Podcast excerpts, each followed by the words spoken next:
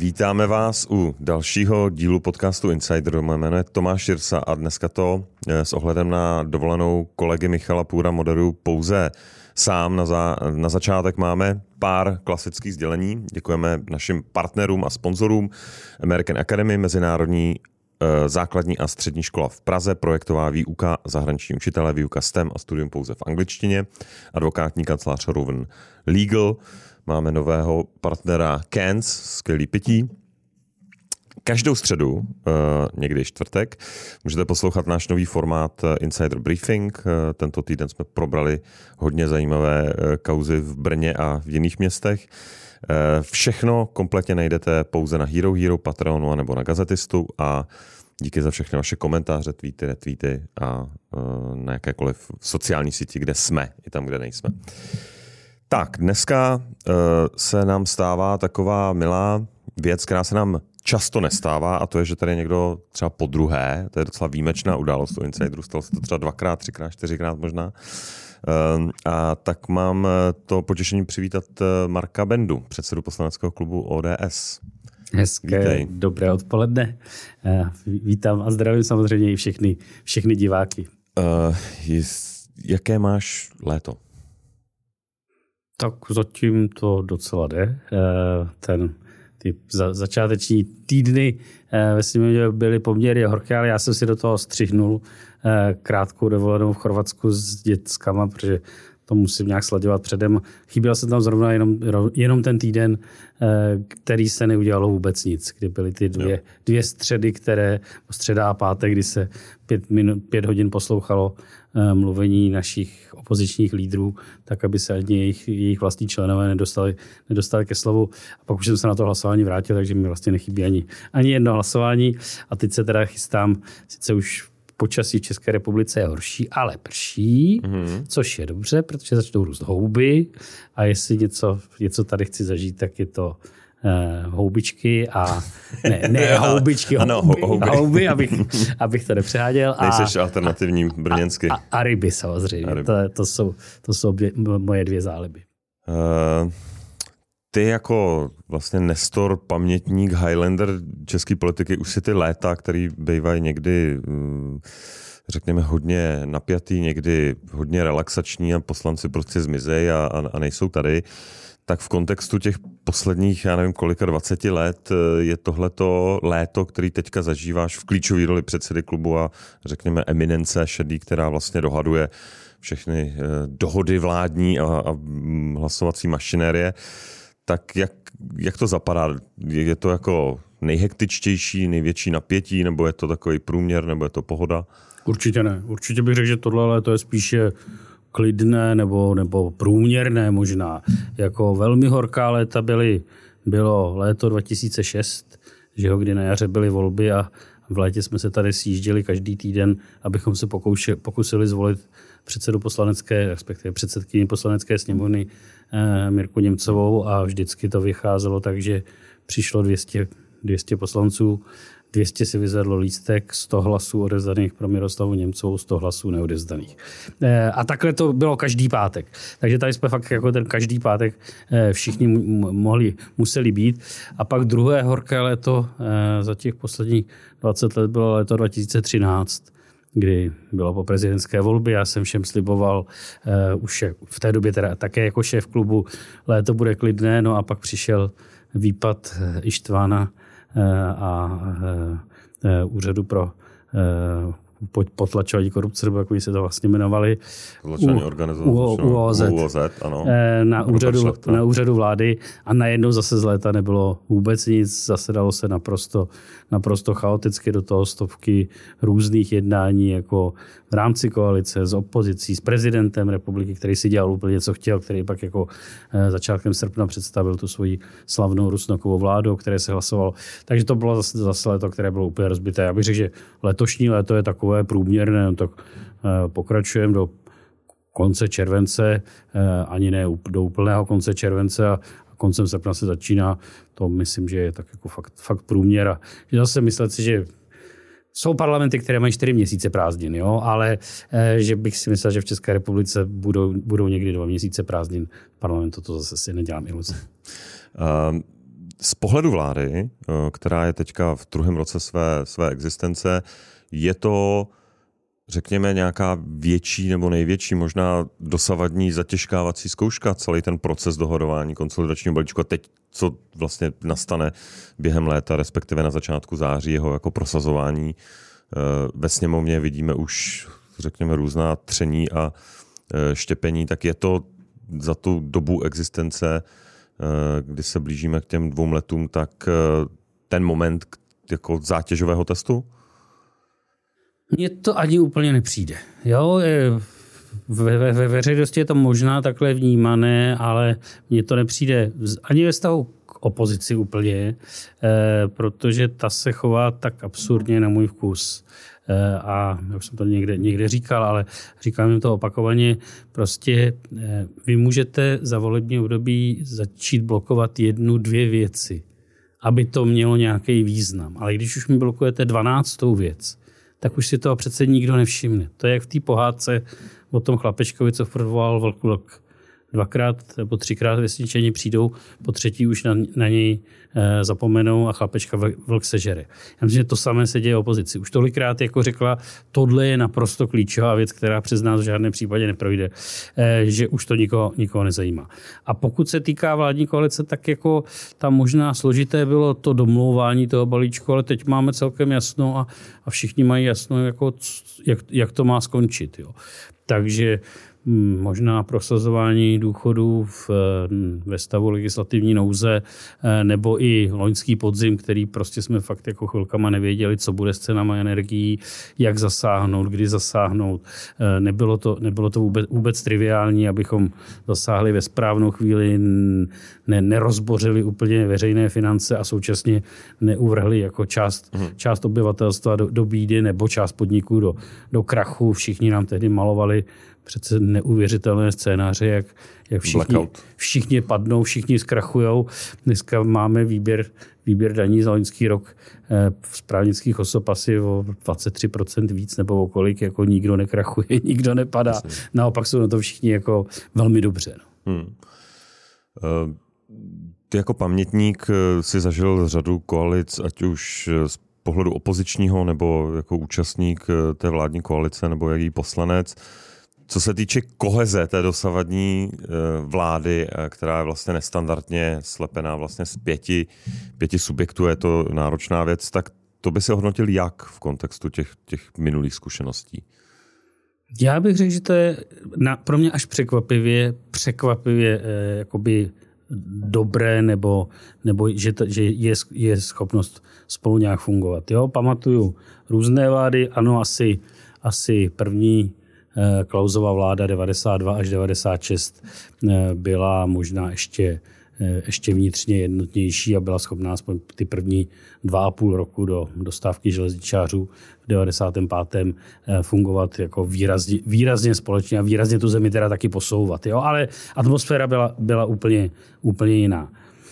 Když si vzpomeneme na vlády, ať už Mirka Topolánka 2.6 až 2.10, Petra Nečase 2.10 až 2.13, ty vnitřní souboje eh, svým způsobem i uvnitř ODS, hmm. ale rozhodně uvnitř vládní koalice byly mnohem zásadnější. Teď jakoby uvnitř ODS já mám pocit úplného klidu. A uvnitř vládní koalice jasně, prostě je to široká koalice. Jo, je to koalice od uh, levicových, opravdu levicových i, i do značné míry v těch kulturních tématech, ale někdy i v těch ekonomických tématech Pirátů přes stan až po jako eh, ods tak na to si myslím, že to vlastně funguje poměrně, poměrně dobře a eh, že se daří. Je to asi dáno hodně dáno osobností Petra Fialy, jo? Hmm. Eh, který občas, tak když vzpomínám, tak mi tak vlastně říkám, že mi nejvíce připomíná Václava Havla, jo? Z, jeho, z jeho fungování. Jo? V takovém tom, v té schopnosti Eh, všechny vyslechnout, jo, kdo znal Václava dobře, tak on vždycky jako byl ten, ten kdo to uměl na konci schrnout hmm. a na konci z toho udělat nějaký závěr, ve kterým všichni měli tak trochu pocit, že jsou že jsou s ním OK, jo. Na rozdíl od jiných lidí, jako Klaus, který jako vždycky chtěl prosadit to svoje, že jo, tak ten Havel taky nakonec chtěl prosazovat svoje, ale vždycky byl spíš tenhle ten, eh, který napřed poslouchal a pak schrnoval. Myslím, že Petr Fiala je do značné míry vlastně podobný typ.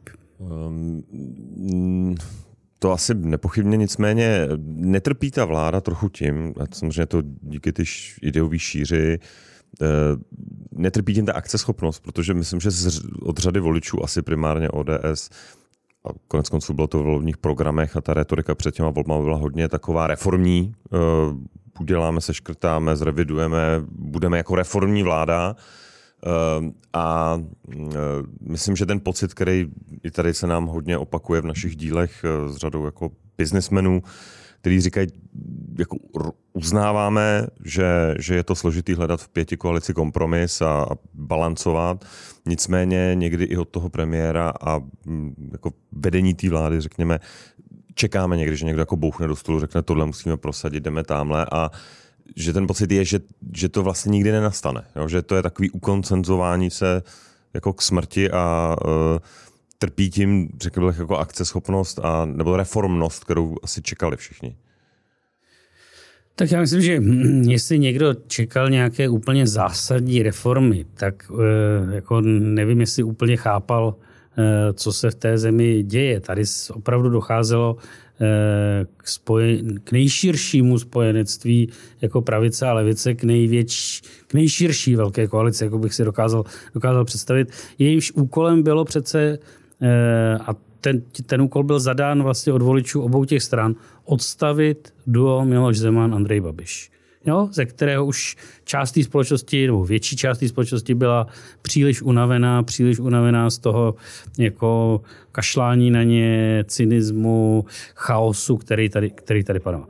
No a samozřejmě, že jako pokud eh, to skládám takhle široko, tak těžko můžu čekat, že budou nějaké úplně dramatické reformní kroky a mimochodem taky je nikdo úplně do těch programů jakoby nemaloval. Jo. Eh, no, když srovnáme, srovnám programy eh, Mirka, nebyla to modrá šance. No, Mirka Topolánka, no. jo, 2.6 a srovnám program, se kterým jsme šli do těchto voleb, tak teda hm, program Mirka Topolánka, ale ta společnost na to byla připravenější. Hmm. Já myslím, že dneska společnost žádné jakoby úplně radikální reformy na ně není zvědavá, nechce placení ve, ve zdravotnictví, nechce placení vysoké školy a takovýhle jakoby zásadní kroky, které by se možná měly udělat. Myslím, že pokud s tím má, myslím, člověk fakt vyšel, tak bude mít ty 6-7% a, a rozhodně, rozhodně vládnout nebude. Hmm. Nikdo, ni, nikdo o to ve společnosti nestojí. A do toho samozřejmě přišla jako válka na Ukrajině. Neměli bychom na to zapomínat, že eh, ledva, ledva eh, ta vláda nastoupila. Tak prostě Putin napadl svého souseda a která přece ten svět úplně překreslila. Jo? Jako v mnoha, v mnoha směrech, jak z hlediska vnitřní politiky, tak z hlediska e, vnější politiky. Já k tomu občas říkám, e, dokážeme si představit, co by se dělo po 24. únoru loňského roku, kdyby tady ještě seděl ve vládě Andrej Babiš. Hmm. Dokážeme si představit, co by se v té Evropě, v Evropě odehrávalo. Já se bojím, že... A dělo by se něco jako strašného? Nebylo by to jenom ten jeho klasický poletování po Evropě, no, do, do, dohadování no, ne, všechno se všema? Neudělal a... by podle mě vůbec nic. A v tu chvíli by tím západem Moravěcky byl prohlášen za válečného štváče. Hmm. A, a po Baltí jako vyděšené země. Hmm.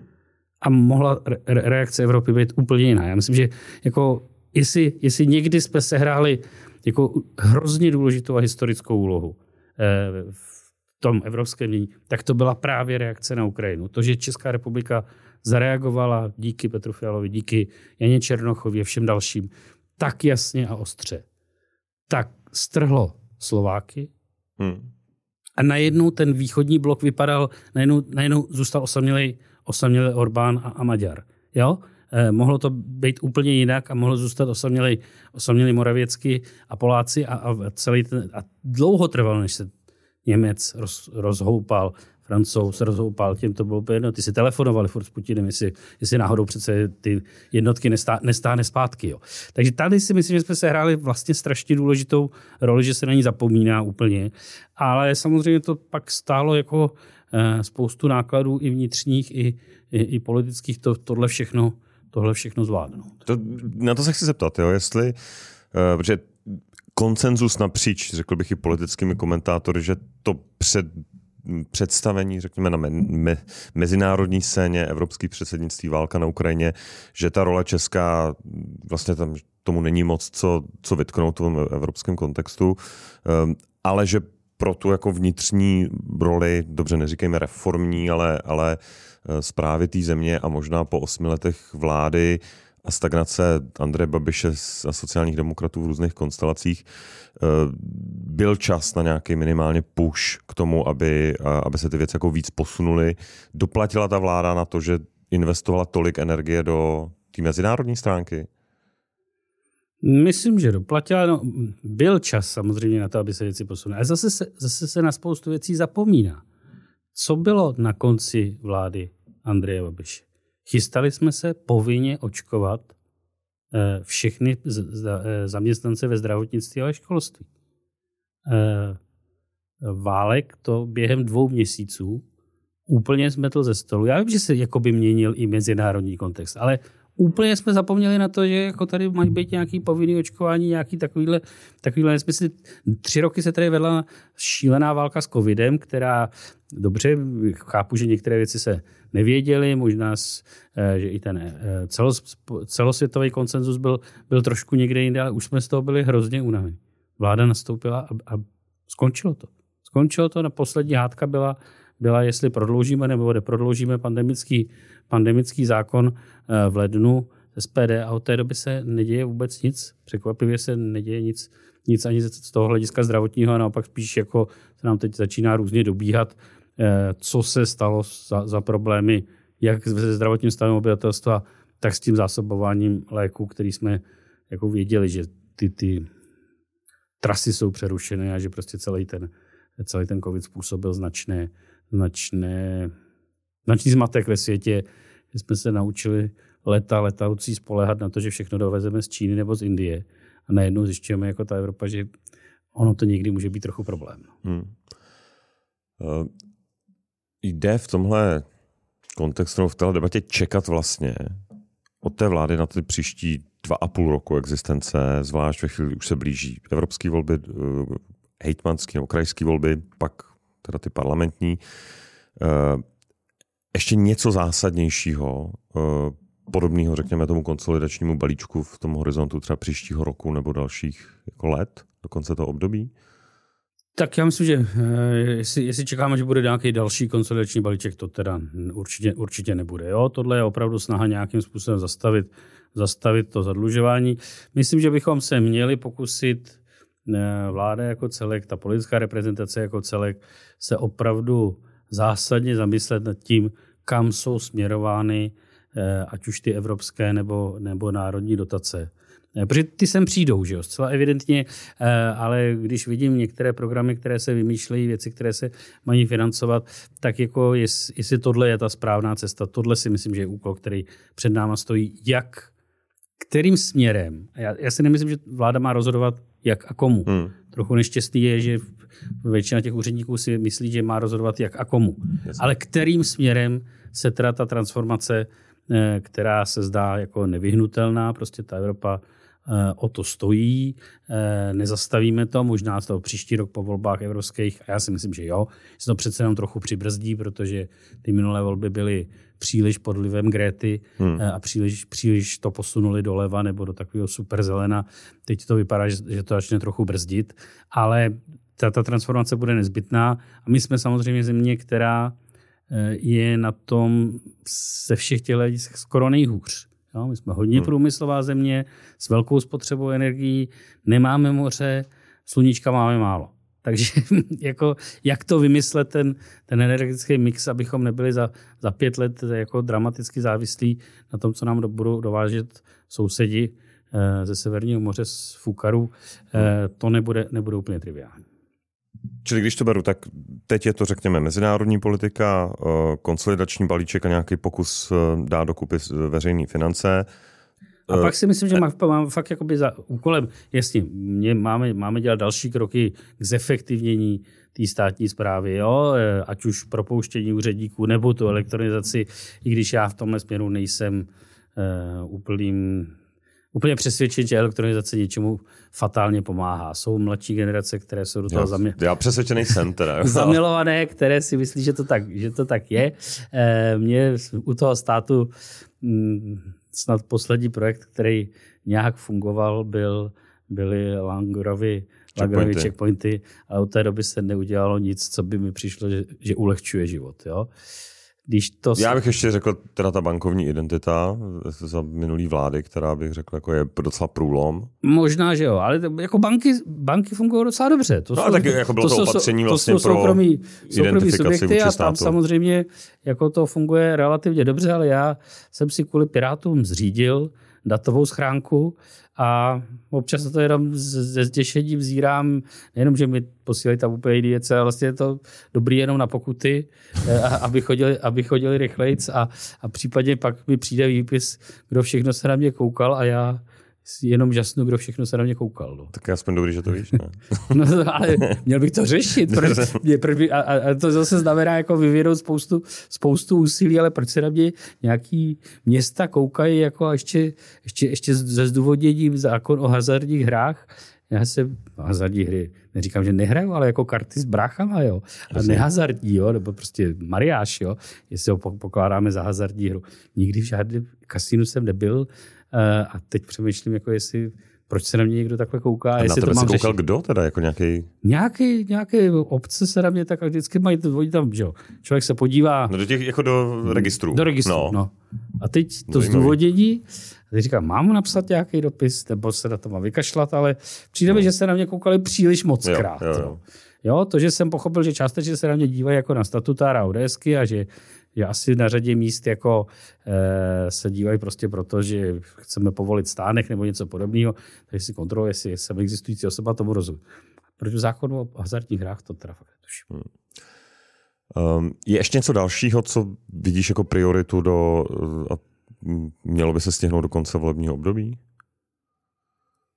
Tak. Pak ty další byly ty, řekněme, dotace, uh, energetika, hmm Dotace energetikou pokládám za klíčovou, elektronizaci pokládám, hmm. pokládám uh, za, za klíčovou. Uh, jestli by se, ale to je, tam je to samozřejmě běh na mnohem delší trať, uh, ale něco udělat v tom školství, kde mám pocit, že jsme se vydali jako úplně nešťastným směrem. Já mám po, doufám, že tomu pan ministr Beck jako aspoň částečně chápe, vníme, vnímá. Já jsem tak nešťastný, Eh, teď mi maturuje třetí dítě, žádné z mých dětí nemělo ve škole dějepise dějiny 20. století, jako nejdále došli do korejské války. Hlavně, že všichni umějí jako římský císaře a ty se učí třikrát. Já netvrdím, že není důležité eh, nevědět něco o římských císařích, ale ty se učí třikrát. Ale 20. století, to, co, ta, to, co tady bylo za režim, jo, mě poleží dcera dotaz, kdo to byl Bedřich Engels.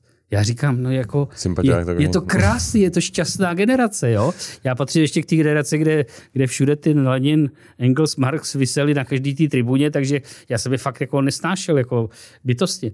Říkám, je to šťastná generace, která, která neví, kdo to byl Bedřich Engels. Ale to, že vůbec eh, se v tom školství to neřeší, že máme obrovský nárůst zaměstnanců přes ty eh, různé inkluze a, a přes ty pomocníky a tohle vlastně ve školství, když se bavíme o ostatních zaměstnancích, tak to je úplně nejvyšší nárůst, nárůst ve školství. Já vím, že trošku stoupl počet hmm. studentů některých těch, ale tam, tam by se mělo napřít naše pozornost.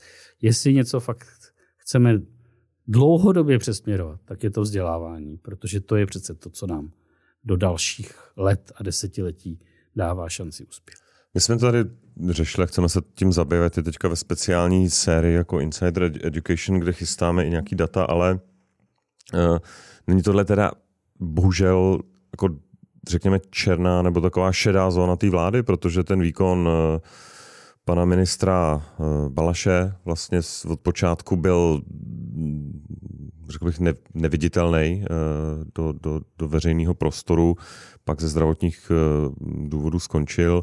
A vlastně to, co asi všichni vnímáme, když odhlídneme od různých kulturních válek, jako tu zásadní prioritu, v tom se shodujeme to vzdělávání, tak vlastně pocit lidí, s kterými já se bavím, je, ta vláda to tak jako nechala bležet. Já z toho skoro ten pocit mám taky. Myslím, že premiéra to mrzí, protože premiér to vždycky chápal jako svoji, svoji velkou prioritu, které si on osobně historicky věnoval a cháp, chápe ji tak, ale e, prostě došlo k takové jako lehce zvláštní situaci, že Jednak si to řekl koaliční partner, dobře, tak má to, má to stan. Petr Gazdík, který se na to podle mě dlouhodobě připravoval, tak pak eh, kvůli nějakým kauzám a já jsem mu říkal, jako už bude, budeme odstupovat kvůli fotkám, eh, mně to přišlo lehce absurdní, ale prostě odstoupil, stáhl se. No a vlastně ten rok a půl se ve školství, kde, mohli, kde se mohlo něco udělat, podle mě trochu promarnil. Hmm. Uh... Já možná, ehm, když teď se bavíme o těch zásadních prioritách vlády a toho, co, chce, toho, co chcete vlastně ještě prosadit, ehm, když se dostaneme do toho, řekněme, do té oblasti těch jako oblíbených kulturních válek eh, a myslím, že jako Andrej Babiš zručně eh, vrhnul granát jménem eh, manželství pro všechny do posledních měsíců jednání ve sněmovně. Jak to má jak, jak ty to pozoruješ v těch mezilidských jako jednáních ve sněmovně vliv na kohezi té vlády, která překvapivě přes těch pět stran v těch základních prioritách vlastně jako drží pohromadě, tak jak se daří tímhle manévrem a tím vášnivým sporem konzervativního versus hodně progresivního křídla té vlády jako mm, cloumat? No, nemyslím si, že by to bylo zase až tak dramatické. Tam je trochu problém, že eh, na obou stranách eh, stojí hrozní fundamentalisté, kteří říkají, říkají oběma stranám, a teď nemyslím jako, jako politici, ale ty, co stojí za, za, za ním, a ty, ty, ty lobbysti za ty jednotlivé zájmy, kteří říkají, nesmíte ustoupit ani o milimetr. Jo, a jakmile se, ale od prvopočátku od toho prvního hlasování, kdy se utrhlo pár hlasů stanu, jsme jako před každým hlasováním šli konzultovat a bavili jsme se s, se Stanem, s Markétou Pekarovou, která má výrazně jiný názory než já, ale, a domluvili jsme, jak tím budeme proplouvat jako vládní koalice, protože víme, že to je granát, který, který se skrze Pastuchovou eh, Andrej Babiš hází, hází do té vlády. No. Tak to, to víme, víme a tušíme. No. My, když jsme se o tom jednou bavili, tak jsme si říkali, ne, nebyl to čas, nebo nebyl proměr, promarněn čas na to, to naopak uchopit jako proaktivně, říct vlastně ze strany premiéra, eh, vlády, říct, eh, nejsme, eh, právě nechceme to nechat dojít do toho souboje, řekněme, těch fundamentalistů na obou stranách, která sklouzává k poměrně jako agresivní rétorice. A pojďme přijít s vlastně nějakým kompromisním návrhem, který tak jako dojednáme. Možná to bude i schoda s opozicí, možná to bude společensky akceptovaný, nebude to, to úplně manželství pro všechny, ale bude to nějaký jako kompromis tak, aby jsme vlastně tu problematiku někam posunuli, ale zároveň respektovali názory těch jednotlivých táborů a místo toho se to jako nechává tak jako kvasit. No, já tady budu, budu teď trošku přísný přísný já. Eh, já mám pocit, že ta liberální část společnosti, a není to jako, jsou to v podstatě eh, zlomky procent, nebo možná procenta, zdaleka to není jako, je vlastně strašně agresivní a to všude na světě. Všude na světě eh, hrozně rádi mluví o toleranci, ale sami jsou hrozně netolerantní. A prostě nestačí jim nic, vítězství je 100 0 nerozumí, nerozumí slovu kompromis. Takže s nima se skoro jako nedá vyjednávat a vytvářejí tlak na ty, na ty, co jim to slíbili, co mají do, dobrou vůli. E, nesmí se ustoupit ani, ani o milimetr. Jo? Když jsme teď naznačili kompromis, možný kompromis v tom, že e, řekneme ano, srovnáme práva, ale nebude to, nebude to manželství, bude to partnerství nebo, nebo jiné slovo, které se vymyslí, tak ta agrese, z těchto těch nevládních, nevládních skupin, jako to jste, to, teda, to jste se úplně zbláznili, to jste nám nevyhověli, je, je obrovská. No. Takže já si myslím, že bohužel kulturní války mají, mají ten vliv, že jsou nesměřitelné a že tam skoro nejde, nejde nacházet kompromisy. No. Ale já se o to budu snažit. Mně, právě vlastně šlo spíš o to, že mm, jestli by se tím postupem, řekněme proaktivním, jestli by se neukázalo, že ty extrémisti jsou fakt jako limitovaná skupinka, která jako hodně křičí, ale vlastně pokud by politik reálně udělal něco, co řekněme srovná nějak práva, bude to nějaký přijatelný kompromis, nebude se to jmenovat uh, stejně, takže vlastně drtivá většina společnosti si řekne, fajn, tak máme to téma za sebou, nějak to jako dopadlo uh, a vlastně to, je to v pohodě a tenhle ten odvážný postup by to mohlo jako rychle posunout. Já si myslím, že drtivé většině společnosti je to úplně jedno. Úplně. Jo? Hmm. To mi vždycky říkají jako, ty, co jezdí, říkají, to si řešíte tady v Praze. Drtivé věc, většině společnosti, i když má třeba takové nebo onaké názory, eh, tak jim je to v podstatě, v podstatě úplně, úplně fuk. A to, co je klíčové, že eh, v těch rozhodujících twitterových, ale i těch mainstreamových médií ty jsou obrovsky posunutý jedním směrem. 20 eh, let vedou v podstatě kampaň, kampaň jedním směrem. Kdokoliv řekne něco, něco jiného, tak je automaticky označen za homofoba. Já nevím, proč jsem označován za homofoba, protože já jsem nikdy žádného eh, geje ani nepoznal, jako, eh, že bych Jo, pokud mi to ten člověk neřekne, já na to nemám buňky a, e, jako, e, a je mi to úplně jedno, jako, ať si každý dělá, dělá, dělá co chce. Jo.